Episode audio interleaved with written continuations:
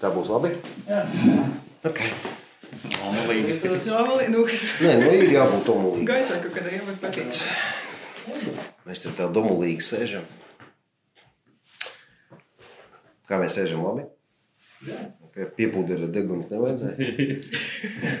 Nē, nu kā, mēs taču kļūstam profesionāli podkastē. Sāksim ar to, ka ne, neprofesionāli. Tas ir trešais mēģinājums tagad. Jā, vienreiz tas bija viens pats, mēs bijām divi tā un beigās tas Mēs laiks. visu laiku atpaliekam no laika. Mēs ierakstām, un jau tas ir muļķīgi to publiski. Aiziet. Viss mainās tik strauji. Nu, jā. Nu, bet teiksim tā, ka šis tomēr pa īstam ir pirmais mūsu podkāsts. Jā, Nu, tā. Tā, vēl kāds var kaut ko pateikt? jā, labdien! Šodien ir pirmais podkāsts no Orto klīnikas. Visi sākam klepot uzreiz. Visi izslēdz savus datorus tajā brīdī. Nu, labi. nu, jā. Nu, respektīvi, vairs nebija citu variantu, kā arī šo platformu mums pamazām ieņemt un arī tur paust gan savu viedokli, gan vispār arī komunicēt ar pacientiem un vispār cilvēkiem. Jā, nu, papīra formāts, es domāju, tagad uh, paliek ar vien mazāk populārs, tāpēc mēs, turoties eh, tendencēm līdzi, tad sāksim to, ko mēs sākam. Jā, mēs mēģināsim katru nedēļu padarīt šo procesu par regulāru un, un katru nedēļu informēt cilvēkus, kas, kam interesē mūsu darbība, tad, tad par jaunumiem, kas ir pieejami, uh, un, un centīsimies tāda vienkārša valoda izstāstīt kaut kādām medicīnas inovācijām, kas attiecas uz traumatoloģiju, ortopēdiju, un, un, protams, par dažādiem administratīviem un, un organizatoriskiem jautājumiem, kas teiksim, šajā mirklī ir īpaši aktuāli. Jā, Mums laikam jāiepazīstās. Mēs esam trīs šodien. Jā. Divi traumatologi ortopēdi, abi divi vadoši šeit klinikā. Nu, Jā, mums nav vadoša ortopēda. Nav divi Mēs- mēs esam visi vienādi. bet, Jā, jā. jā. Jā. Tas regālijas, kas parasti tur cilvēkiem, mēs esam traumatologi, ortopēdi, jā, Jā. Vitols Jurkevičs, Andrejs Peredistīs un Džon ir uh, ortoklīnikas galvenais PR speciālists, cilvēks, kurš atbild par visu, kas tiek rakstīts, runāts, un viss, kas aiziet ārpus ortoklīnikas, tas ir viņas kompetencija. Bet, nu, sākam mēs ar to 25. mārts bija viņķēls rīkojums par to, ka mēs pārējām tikai uz akūto palīdzību, visas vis privātās medicīnas iestādes.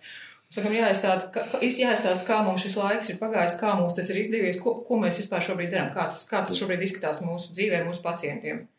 nu, šobrīd ir tā, ka faktiski dabiski viss, kas ir noticis, tas ir noticis. Mēs esam tur, kur mēs esam. Un, uh, uh, bija rīkojams, un viņš ir absolūti neapstrīdams. Mēs, kā droši vien viena no tādām klinikām, kas sniedz ne tikai plānveidu, bet arī akūto ķirurģijas palīdzību, konkrēti balsta aparātu problēmu risināšanā, reumatoloģijā, tad mēs esam pārgājuši uz gan akūtās palīdzības sniegšanu, gan arī hronisku pārsinājumu gadījumu ārstēšanu. Tā kā es domāju, Es ceru, ka tas nebūs ilgi. Es ceru, ka tas neturpināsies uh, tos trīs mēnešus, kas ir solīti. Kaut gan kas to zina. Uh, mēs strādāsim tādā režīmā, uh, ko faktiski pieprasa šobrīd gan tā situācija, gan arī valdība. Es domāju, ka cilvēkam ļoti grūti izšķirt, ko nozīmē akūts gadījums priekš viņa. Sāpes ir akūts gadījums. Kā, nu, kā vispār mums tas notiek, kā mēs izšķiram, kurš ir kurš pacients? Šobrīd eh, pacientiem, eh, protams, viņi jau pie mums nenokļūst vienkārši ejot pa ielu un ieejot ortoklīnika, tad, tad standarta cilvēki zvana pa telefonu un eh, administratori, kas ar viņiem runās, spēs to situāciju izvērtēt un uh, novirzīt to pacientu vai nu klātienes konsultācijai, ja tas ir nepieciešams, vai nu attālinātai konsultācijai, ko mēs eh, šo servisu sākam attīstīt no šīs nedēļas. Un uh, īstenībā, ja sākumā mums pašiem bija diezgan lielas šaubas par to, cik tas ir liederīgi un ko mēs varam tur saprast un palīdzēt, bet pārsteidzoši tas ir tiešām ļoti laba lieta, ko es domāju, mēs turpināsim arī pēc šīs krīzes atrisināšanas. Jā, tad, tad ļoti daudz cilvēki, tīpaši tie, kas dzīvo ārpus Rīgas, mierīgi atsūta mums visus failus, kas ir saistīti ar viņu saslimšanu. Mēs tos failus visus izpētām jau pirms konsultācijas, pēc tam pa kādu no video messengeriem vai vienkārši pat pa telefonu mēs ar to pacientu sazvanāmies iepriekš norunātajā laikā. Un es teiktu, ka lielāko daļu gadījumu mēs viņam varam sniegt diezgan vērtīgas konsultācijas, un mēs varam izrakstīt medikamentus, mēs varam izrakstīt viņam nosūtījumus uz izmeklējumiem, ja tie izmeklējumi ir veicami steidzamības kārtībā. Jā, līdz ar to es aicinātu cilvēkus aktīvāk arī šo iespēju izmantot. Mēs varam nodrošināt arī pēc tam online konsultācijas un nodarbības arī ar fizioterapeitiem. Es teiktu tā, ka šī krīze ir, ir devusi ļoti lielu tādu grūdienu šīs te nozares teikt, attīstībai, un, un es domāju, ka visus tos pēc tam augļus mēs varēsim izmantot un, un pilnveidot arī pēc krīzes atrisināšanas.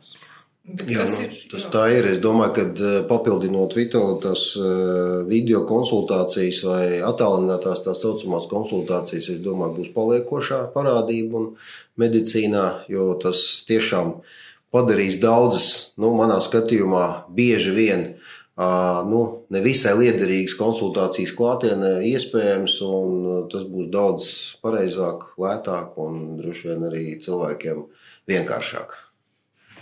Jā, bet, teiksim, es, vai jūs varat izšķirt, ka ir akūts gadījums arī online konsultācijā? Protams, ka mēs varam ir... izšķirt. Nu, pirmkārt, tie ir, tas ir akūtas traumas. Ja kaut kas ir noticis pēdējo desmit dienu laikā, vai, vai akūtas sāpes sākušas, vai cilvēkam ir gadījusies kaut kāda trauma, ja, tad, tad tas nenoliedzami ir akūta situācija.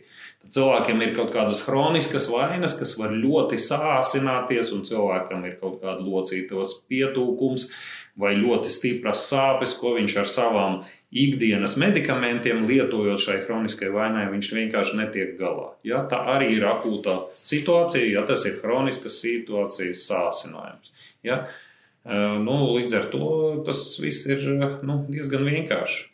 Jā, plus, protams, ir dažādi stāvokļi un situācijas, kas vienkārši ir cilvēku, cilvēka vispārējo stāvokli izteikti pasliktina un, teiksim, neatrisinot viņus, viņš arī paliek tāda invalidizēta stāvoklī. Ja? Arī šādas slimības mēs varam uh, nu, saprast un, un atšifrēt teiksim, tas konsultācijas laikā.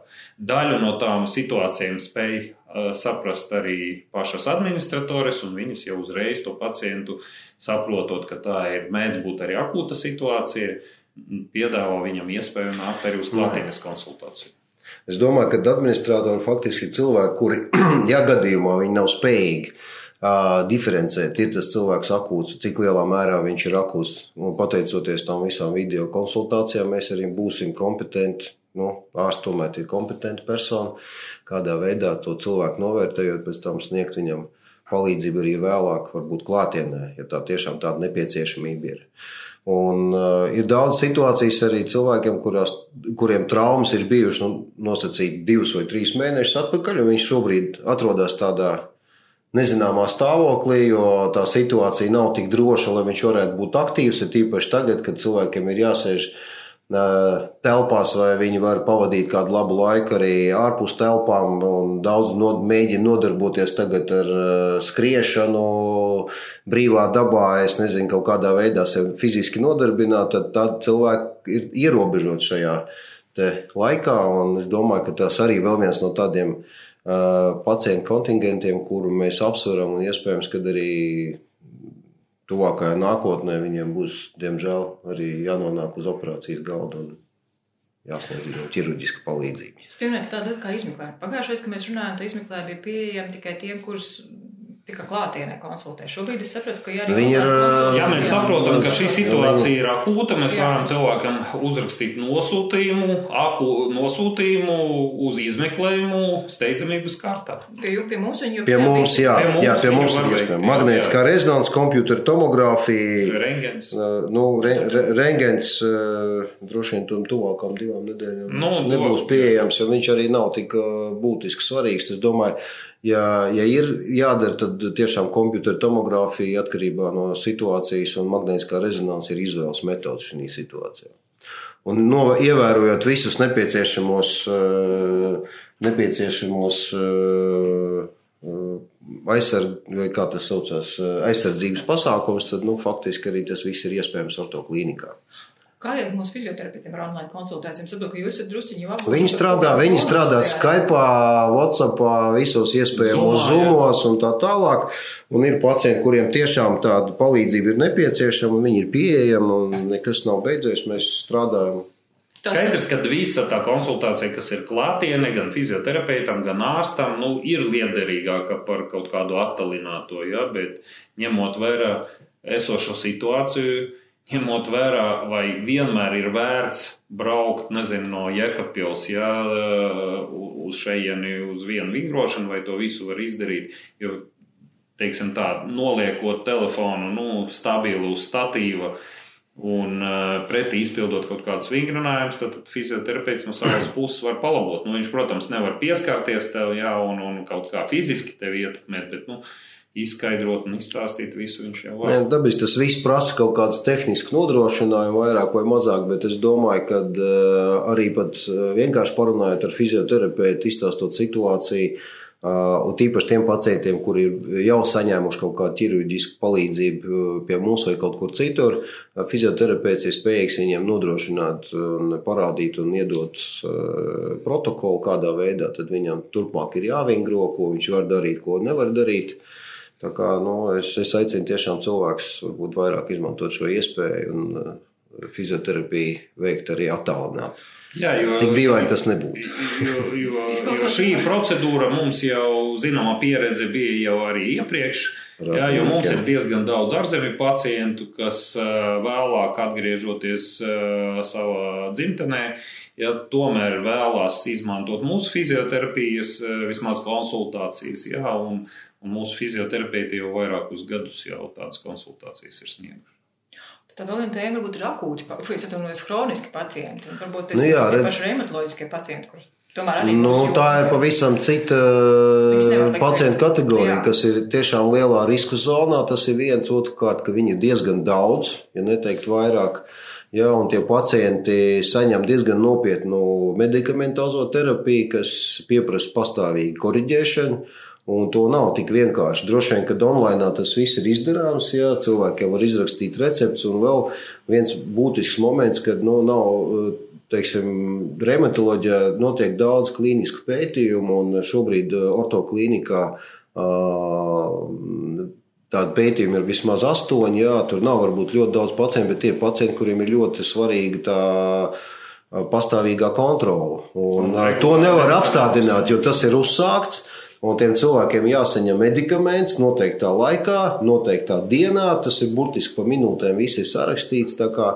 Šajā ziņā tas ir ļoti svarīgi. Un es nedomāju, ka ortoklīnika ir vienīgā slimnīca Latvijā, kur tāda klīniska pētījuma notiek. Es domāju, ka tas visur arī jāturpina. Dabiski ievērojot visus nepieciešamos aizsardzības pasākums. Nu, tā tas. Nu, Varbūt par tiem aizsardzības pasākumiem. Protams, tā online konsultēšana, tā distancēšanās jau ir Jā. viens no, bet varbūt jā. Nu, distancēšanās, es domāju, tas ir ļoti svarīgi. Otrakārt, cilvēkam jābūt pašiem diezgan apzinīgiem, ja viņiem ir kaut kādi simptomi, kas norāda uz to, ka viņam ir, nezinu, elpceļu saslimšanas pazīmes, viņiem ir temperatūra, viņiem ir klepus iesnas. Nu, tādiem cilvēkiem vienkārši nav jānāk uz šejienes. Tas ir viens. Viņiem vispār ir jāsēž mājās un jāgaida tās divas nedēļas, vai jāņem analīzes uz to covid vai kaut kādas citas lietas, un to jāsazinās ar savu ģimenes ārstu.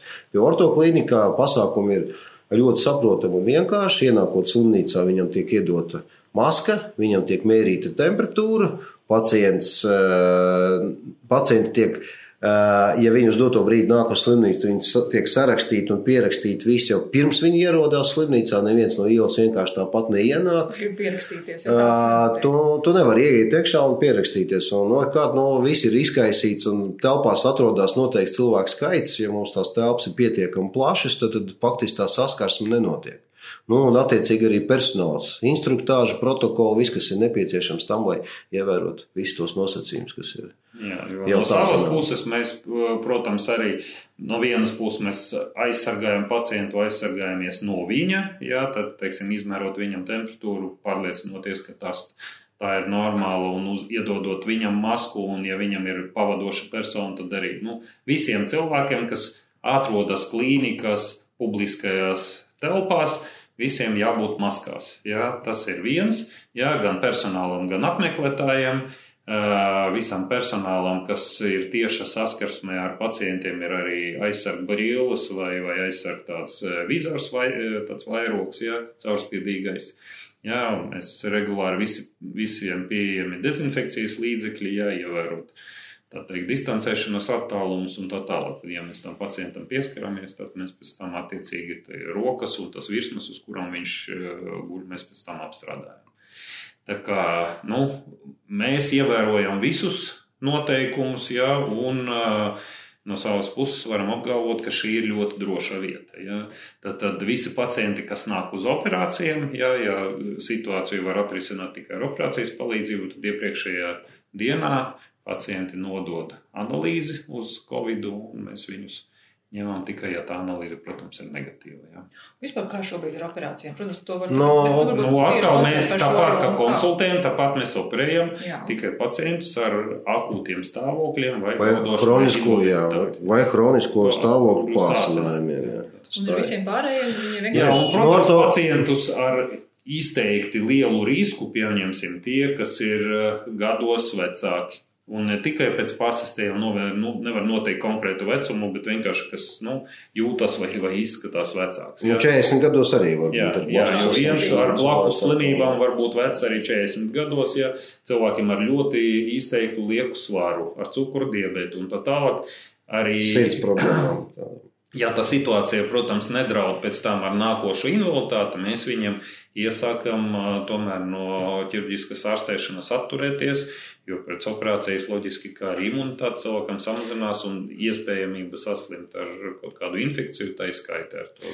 Nu, ja, nu, ja nu vienīgais ir tā, ka tā situācija tiešām ir akūta un tev ir jāapsver, teiksim, Jā, tie draudi, jā. kas viņam draud, ja viņš gadījumā saslimst ar covid, viņam tomēr ir, jā, ja, ja netaisa operācija, tad viņš kļūst par reālu. Jā, jo Invalidizējās un kļūst Jo- par cilvēku, kuram ir vajadzīgi, nezinu, ratiņkrēsli. Jā, jo šonadēļ tika izoperēta sieviete, arī tāda, kura ir 85 vai 6 gadi, jā, bet viņa ir ciskas kaula kakliņa lūzums, kas ir gadījies krītot, jā, un skaidrs, ka šī situācija, nu, viņai normāla, adekvāta palīdzība ir tikai locītavas endoprotezēšanas operācija, kas arī tika izdarīta, bet Jā. Vienkārši Viņi- Pēc trīs dienām viņi iet mājās. standārta cilvēkam 86 gadu vecuma, kam deformācijas dēļ tāda operācija ir nepieciešama, protams, mēs viņu atrunājam un uh, iesakām to operāciju darīt. Tad, kad uh, tie ierobežojumi attiecībā uz plānveidu palīdzību tiks noņemti. Nu, Tā, lai vienkārši cilvēkiem būtu saprotams, ortoklinika ir nu, diezgan liela medicīniska iestāde. Mums šeit ir e, daudz e, gultas vietas, 30 pāri, intensīvās terapijas palāta. Lielākā daļa palāta ir divvietīgas, ņemot vērā šo situāciju valstī un vispār pasaulē. Mēs esam transformējušies, un mums šobrīd pacienti atrodas palātās tikai pa vienam. Tad, tad es nedomāju, ka ir tik daudz medicīniskās iestādes, kur ir iespējams vienlaicīgi 15 pacientiem nodrošināt vienā nodaļā atsevišķu palātu ar atsevišķu sanmezglu un pilnīgi izolēt viņu no nodaļas kā tādu. Jā, teiksim, viņš nonāk palātā, viņš nonāk uz operācijas galda un atpakaļ palātā, un tad viņš tiek izrakstīts ārā. Tā kā faktiski tas ceļš, kā tas viss tiek darīts, ko mēs drīkstam, ko nedrīkstam, tas viss mums ir burtiski sarakstīts uz papīra pa soļiem. Ja? Jā. Tad, tad mēs personāls ir ļoti eh, nopietni apmācīts visām šīm lietām. Tā kā eh, vieta, es domāju, diezgan droša. Un tā kā tikko Vitals teica, ka, ja cilvēkam ir 81 gads un viņam ir salūzis ciskas kaula kakliņš, viņš faktiski ir lemts nomirt, ja viņam neko nedara. Tas ir tā, un tas ir dažu nedēļu jautājums. Tad, ja viņam nesniedz palīdzību uzreiz, tas cilvēks nav glābjams. Un viņš tad nomirs nevis no covid, bet viņš nomirs no ciskas kaut kakliņa, no kaut kāda, nezinu, cita problēma. Jā, bet nu, tas ir. Jā, cita. vai citi iemesli pneimonija parasti arī tā ir. Pēc šī tādām, ja viņš paliek guļošs, viņš nav spējīgs vispār kaut kādā veidā, viņš ir absolūti kopjams un tā. Es esmu lasījusi, ka tiksim, vairākās Eiropas valstīs valsts, valsts slimnīcas tad ārstē Covid pacientus un tieši privātās tas, kur visu vis plānveidu palīdzību tiek sniegt. Mums ir kaut kāda. Katra valstī tas notiek savādāk. Mums ir kolēģi un, un draugi, daudzās ārsti, valstīs. kas ir vis, daudz, daudzās valstīs. Es vakardien runāju ar savu kolēģi, e, kas strādā Ņūdžersijā. Jā, tad, tad Amerikā, Amerikā tā situācija šobrīd ir aiz Itālijas un Spānijas ir trešā traģiskākā pasaulē. Jā, protams, mēs nezinām, kā ir mazāk. Teiksim, atvērtās valstīs viss notiek tāda Irānā un, un, un Ķīna, jā, jo tu, tur, tur varbūt, ka to tie oficiālie, oficiālie cipari arī neatbilst patiesībai. Ja? Bet tur, kur oficiālie cipari tiešām ir pieejami, ja? tā ir Itālija, Spānija un, un ASV, tur tie ierobežojumi ir ļoti lieli. Teiksim, Amerikā visa darbība privātajā sektorā vispār ir apturēta. Jā, viss notiek tikai praktiski ar covid pacientiem un ar ļoti akūtiem pacientiem, nu, kuram ir ot, svaigi lūzumi, svaigi kaut kāda muskuļu plīsumi. Ja. Uh, bet, bet viņiem nav tāda panika sākusies. Jā, jā viņiem, domāju, ir, viņiem, nu, viņiem ir daudz lielāki ierobežojumi vispār uz cilvēku pārvietošanos. Ja visas ielas absolūti tukšas, ja Latvija mēs šobrīd braucam un mašīnu nu, ir mazāk nekā Iepriekš, jā, varbūt trīs reizes mazāk, jā, bet mašīnu tomēr ir daudz. Jā, tad Amerikā ir absolūti tukšas ielas. Jā. Itālija tas pats, Spānija ir tas pats, jā, tad, tad nekas nenotiek. Ne privātajā medicīnā, ne, privātajā medicīnā nenotiek vispār nekas, un valsts medicīna notiek tikai Covid un, un ļoti akūtie pacienti. Savukārt Zviedrijā notiek viss. Ot Zviedrijā uh, valsts slimnīcas ļoti ierobežota plānveida palīdzība, un viņi fokusējas uz covid pacientiem. Privāta medicīna Visi ļoti strādā. aktīvi operē šobrīd un, un sniedz palīdzību. Uh, bet, protams, tur arī cita situācija. Tur jau valsts maksā arī privātai, nu, privātām slimnīcām. Jā, pie mums jau uh, teiksim, privātie pacienti norēķinās paši pa sevi vai apdrošinātāji. Vācija ir kaut kāds pusceļš, jā, tur, tur arī Vācija, Austrija turpina strādāt privāta medicīnā, jā, bet eh, varbūt mazāka apjoma, jā, bet eh, Zviedrija ir absolūti šobrīd eh, aktīva zeme. Tā kā tie scenāriji ir dažādi un, un viņi ir lielā mērā atkarīgi no tā, cik aktīvi notiek tā vīrusa izplatība tieši iekšzemē. Jā, tad, tad, ko cilvēki nevis atved no ārpuses, jā, bet inficējas viens no otra. Jā. Šobrīd ņemot... notiek aktīvi jā. tā iekšējā transmisija. Droši vien, ka no tā, bet mēs neesam epidemiologi, un šeit mēs vienkārši uzticamies profesionāļiem, kas, es domāju, kas ir infektologi, epidemiologi un tā tālāk, kas zina, kā darīt labāk, lai to iekšēju izplatību samazinātu. Bet eh, tajos rāmjos, kuros mums noliek, mūs, teiksim, noliek, tajos mēs jau, teiksim, no, savu kompetenci varam atkal parādīt. Nē, nu viņi diezgan skaidri pateica, kādi ir tie rāmi un cik, cik vienkārši tie Jā. mehānismi kādā veidā neizplatīti. Katru reizi tas tiek runāts un nu, nav, nav liek reizi arī atkārtot, ka nu, divi metri Cieši saskarsme, tātad distance, izolācija, cenšoties neapmeklēt sabiedriskās vietas, pulcēties vairāk par diviem cilvēkiem. Tas ir īstenībā tas ir tik vienkārši izdarāms. Ja katrs to ievērot, nebūtu tik liela varbūt arī ierobežojuma vajadzīga. Tā kā jebkurš cilvēks, kas to neievēro, es uzskatu šobrīd mūsu laikos, nu, viņš, nu, viņš ir noziedznieks droši vien ne, bet viņš ir riktīgs kaitētājs visiem pārējiem. Un uh, es domāju, ka tas noteikti. Uh, Līdz ar to palielina viss ar laiku tos ierobežojumus, ko ievieš valdība un tā tālāk.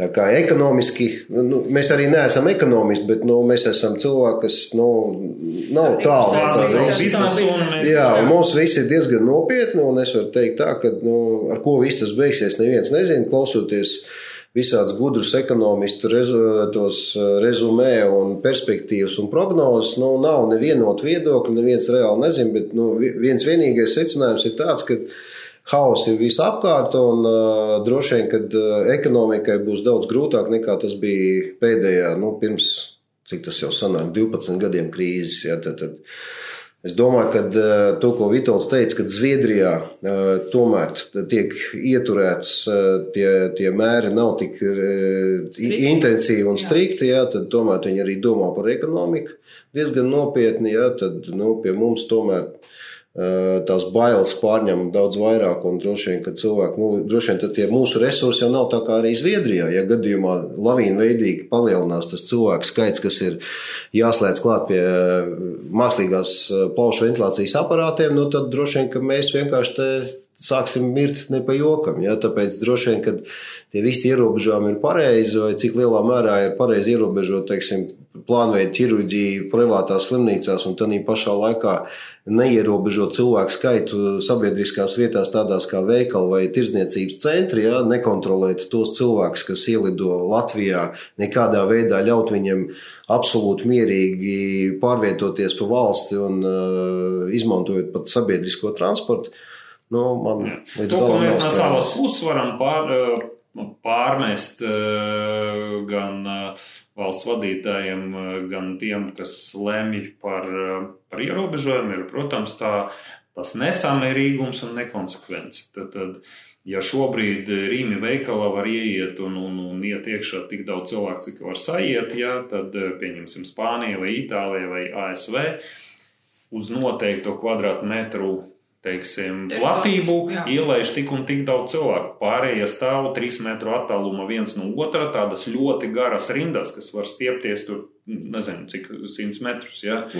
Bet, bet pie mums, jā, visi tiek ielaisti un visi drusmējas tajā pašā laikā šeit, kas ir daudz drošāka epidemioloģiski vieta, ja, tad, tad cilvēkiem tiek liekta planveida palīdzība, ja, kas varbūt ir pareizi, bet tad samērīgi izdarīt. Es domāju, ja runa iet par medicīnu, tad tur tiešām ir jābūt tomēr nu, drusciņ nopietnākiem apsvērumiem, lai lemtu par, tādiem, par tādām lietām kā apstādināt vispār plānveidu medicīnisko palīdzību, jo gal galā nu, tās visas slimības, kas līdz šim ir bijušas, viņas jau nekur nav pazudušas. Tie cilvēki ir, viņi slimo. Es nezinu, kāpēc viņi pēkšņi ir pazuduši un palikuši otrā plānā.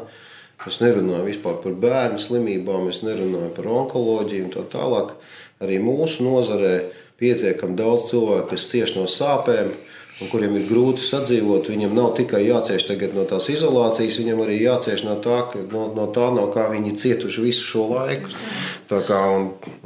Es pat vēl vienu tādu lietu, principā, ko jūs visi arī abi runājāt, patiesībā ir, ir panika. Un cilvēkiem ir panika, un viņi tiek ļoti tā arī kultivēta. Kā jūs abi divi paši, nu, pišķītiņi paši priekš sevis, kas ir, kas ir tās lietas, ko jūs darat, lai pišķītiņi Nu, Nezinu, uz doto brīdi man saprāt. nav nekādas panikas. Ja? Tad, tad nu, atkal runājot ar, ar, ar, ar to savu kolēģi, kas ir Amerikā. Jā. Amerikā šobrīd ļoti plaši testē, bet nepietiekami. Un viņš ir pulmonologs, jā, tas mans draugs un kolēģis. Jā, tad, tad viņš strādā frontes pirmā līnija, un viņš ir ļoti labi tieši teikt, par visiem updatiem, kas nāk katru dienu. Uh, informēts. Tātad uh, mesiķis numur viens nekādas zinātnes dotajā brīdī nav. Jā, tad, visi tie pētījumi uz ātrā roku tiek veikti, viņiem pierādījumu līmenis ir ļoti zems. Jā, tad, tad īsti kas palīdz, uh, Tas apmēram tā visa tā ārstēšana, ko šobrīd pielieto, jā, viņa ir teiksim, normālos apstākļos, viņu medicīniska sabiedrība nekad nepieņemtu to pierādījumu līmenī, ja, bet kara apstākļos skaidrs, ka nu, tas Mēģina ir teikt, tā, bioloģiskais karš, var teikt, jā, ar vīrusu, jā, līdz ar to, teiksim, tagad visi tie scenāriji tiek iztenoti, bet kopumā, kopumā valstīs, kur ir ļoti aktīva testēšana, respektīvi testē gandrīz visus, tā kā Izrēlā, jā, piemēram, tur ir 0,3 vai 0,4 ir tā mirstība, jā, teiksim, Uh, Amerikā jā, tā mirstība ir apmēram 1%, jo tur arī ļoti, Ļoti aktīvi, Jā. jā, jo, jo ārkārtīgi daudz cilvēku, kam nav nekādu simptomu, kam ir kaut kāds mazais kriekš- kriekšķītis kaklā, jā, vai nelielas iesnas, vispār nekā vai nav. vispār nekā nav, bet viņam ir tas covid, jā, un tie ir bieži vien tādi jaunāki cilvēki, jā. Teiksim, tiešām riska grupā ir, ir, ir tie, kas ir vecāki par 50 gadiem. Tie, kas ir par 60 gadiem, es atvainojos, tie, kas ir no 30 līdz 60 gadiem, arī nav nekāda absolūta drošība, jo tie sastāv savus 30%, bet bieži vien tie ir cilvēki, kas ir, nu, tomēr apgrūtināti ar dažādām blakus slimībām. Uh, un, un, un tā tālāk, jā, ar izteikti lieku svaru. Skaidrs, ka neviens nevar pilnībā atslābt un pateikt, ka viņš ir ārpus riska zonas, jā, tāpēc, ka viņam ir tur, nezinu, 35 gadi un viņš ir vesels, jo arī tādi cilvēki nokļūst uz ventilatoru. Bet tas notiek, nu, ārkārtīgi reti, un, un, un, un uh, tie skaitļi jau ir salīdzināmi ar visām pārējām saslimšanām. Vienkārši, ja cilvēks ir vesels, ja viņš par sevi rūpējas, un ja viņš ievēro visus nosacījumus, ja, un, un uh, laicīgi pievērš uzmanību pirmiem simptomiem, ja, tad uh, laicīgi izolējas, saka, lietot daudz šķidruma un tā tālāk, un seko visām tām rekomendācijām, ja, kas ir, tad es domāju, ka īpaši panikai iemesla nav. Es domāju, ka tā panika ir vairāk dažādu sociālo apstākļu un ekonomisko apstākļu dēļ, kas cilvēkiem šobrīd rodās, kad viņi nevar nomaksāt savus kredītus, savas citas finansiālas saistības, jā, un zaudē darbu un baidās Palikt bez par savu nākotni. Šī gadījumā mēs zinām, ka nu, mums ir tāda profesija, kas uh, vienmēr Nē, nu, jā, bet ja tā skatās apkārt, tad es domāju, ka nu, man nav arī tas panikas sajūta skaidrs, ka uh, visam kaut kādā brīdī tas viss beigsies skaidrs. Kad uh, viena liela daļa tās ažiotāžas ir veidot pateicoties uh, masu mēdījiem un sociālajiem tīkliem, bet rakstot visādus brīnumus, jā, un teiksim, visi tie virsraksti, kas tiek veidot. Nu, klausies, tu vari vienkārši norādīt ciparus, bet ja tu rakstīji, ka šodien Amerikā ir lielākais visu laiku upuru skaits, tad tam cilvēkam, kurš to izlasa, nezinu, dzerot no rīta kafiju, viņam uzreiz tas eh, garstāvoklis tiešām uzlabojās visu atlikušo dienu, un viņš eh, nu, ir savā ziņā pastāvīgi palielinātā stresa līmenī. Jā, Un, bet eh, tu- tas palielinātais stresa Covids, līmenis, arī Amerikā, kur tā mirstība šobrīd ir nu, teiksim, diezgan liela, Nu, jā, jā. viņš ir uh, tikai trešais nāves iemesls aiz onkoloģiskām saslimšanām. No vēža joprojām mirst Vairāk. ievērojami vairāk cilvēku, un no sirds asinsvadu saslimšanām mirst ievērojami vairāk cilvēku. pielietot vairākās Eiropas valstīs, kur es nedomāju, ka tāpat ir recepte. Un Tas ir viens no variantiem, kā tos cilvēkus kaut vai psiholoģiski atbalstīt. Ne tikai psiholoģiski, bet arī ekonomiski. Un ir valsts, kur vienkārši neatkarīgi no tā, esi tu maksājis nodokļus, kas tu esi bijis. Vispār absolūti šajā situācijā visiem tiek piedots. Un katram tam cilvēkam tiek iedot kaut kāda naudas summa, lai viņš saprotu, vispār kādā veidā turpināt savu dzīvi. Jo kaut vai tādīs pašos sociālos tīklos, cik daudz nav tagad, es domāju, ka tā ir reāla situācija. Jauni cilvēki, kuri strādājuši, nezinu, par viesmīlu, teiksim, kādā restorānā, viņam absolūti nav nekāda uzkrājuma. Viņš dzīvo no vienas algas līdz otrai. Nu, viņš mācās, viņš ir jauns. Nu, viņš tagad sēdēs vai nu uz vecāku pleciem, vai ja viņam tāda vecāka nav, tad viņam faktiski ir jāiet, eh, nezinu, droši vien, ka tagad arī kaut kāda darba piedāvājuma, kur var, teiksim, veikt, nezinu, tīrot jā. ielas, nezinu, tur pakojot pakas vai vēl kaut ko lauksaimniecībā. Uh, nu, droši vien, ka eh, tas ir, tas ir viens variants, kā var i- izklu- izklupt no šīs situācijas. Bet, eh, ja nerunā tikai par atsevišķiem cilvēkiem, runājot par to tā saucamo mazo biznesu, kas Latvijā droši vien ir viens no lielākiem nodokļu eh, nesējiem šai valstī, tad viņš vienkārši ļoti daudziem tiek sagrauts. Un nepamatot, ja, un, teiksim, ņemot vērā to, ka tā situācija tāda ir izveidojusies, ir cilvēki, kuriem un viss tā birokrātiskā mašīna, kas ir tagad ir tādā visā tādā lietā iedarbināta un tiek pētīta un skatīta un tā tālāk tā vietā, lai vienkārši visiem uz doto brīdi, uz kaut kādu laiku, to es tuvāko mēnesi, diviem piedot, varbūt pat iedot, aizdot naudu. Uz uh, labākiem nosacījumiem vai vispār bez procentiem, lai viņi to biznesu uzturētu. Jo tajā brīdī, kad tas viss brie, tās briesmas beigsies, es nezinu, ko cilvēki darīs. Jo ļoti daudziem nu, tas, tas dzīvesveids arī droši vien krietni mainīsies, bet būs diezgan grūti atjaunot to, kas ir bijis. Aicinām cilvēkus vairāk nodarboties ar vingrošanu un mazāk skatīties ciparus. Nu, jā, jā. Un, Pašas ā, ievē- skatāmies, un jā, bet- Tas ir īstenībā recepte ir ļoti vienkārši.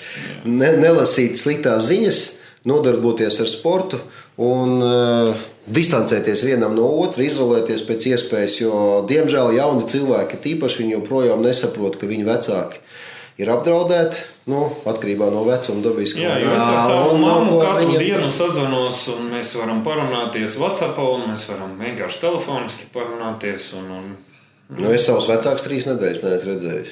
Es ar viņiem sazvanos. Tagad, pateicoties visām tām iespējām saistītām ar WhatsApp, Skype un tā tālāk, to nu, tev, tev tas nodrošina to, ka to cilvēku var vizualizēt, nevis tikai dzirdēt. Tas jau ir daudz, jā, un dabiski.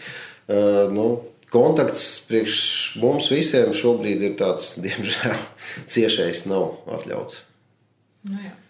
Varbūt mēs uz šī arī varam beigt šī. Ne? Jā. Un Nu, to, ka mēs katrā ziņā nākamajai reizei vajadzētu, nu jā, mēs apdeitot visu to pasākumu vajadzētu, un tas ir viens. Otrakārt, kad, uh, kā jau Vitals pašā sākumā teica, ka mēs varam, ir pienācis laiks droši vien sākt izglītot tautu. Mēs varam izglītot tikai savā nozarē. Tā ir traumatoloģija, ortopēdija, mugurkaula ķirurģija, reumatoloģija. Arī mūsu speciālisti tiek aicināti rekomendācijām, kādā veidā to var teiksim, nu, gluži pats nodarboties ar ārstēšanu vai diagnostiku. Nevajadzētu, bet nu, tomēr ir kaut kādas lietas, ka tu būtu informēts. Bet tomēr tas strādājot tik ilgi, mēs saprotam, ka tomēr mums cilvēki nav tik izglītoti, kā tas ir eh, nu, daudzās citās rietumu valstīs. Nu, šobrīd ir visas iespējas ar to nodarboties Jā. Jā, mēs nodarbojamies ar pašizglītību. Mēs veidojam, tagad ir iespēja veidot video konferences, un uh, tas viss galīgi neapstājās. Jo, nu, diemžēl, nevis diemžēl, bet labi, medicīna ir viena no tām nozarēm, kur tev visu laiku ir jābūt up to date. kā Saka, tev visu laiku jābūt tonusā, tu nevari atslābt. Tev, ja tā ir ķirurģija, tad tev arī visu laiku ir jāstrādā. Nu, nevar ķirurgs nestrādāt pa pusgadam, un pēc tam viņam būs diezgan Atsākt. grūti atsākt. Jā. Jā, tā kā. Paldies jums liels. Uz nākamās reizē. Paldies. Varbūt, ka tur var kaut ko arī saīsināt. Man liekas, Jā. ka šoreiz nu, tas ir mokoši šo klausīties.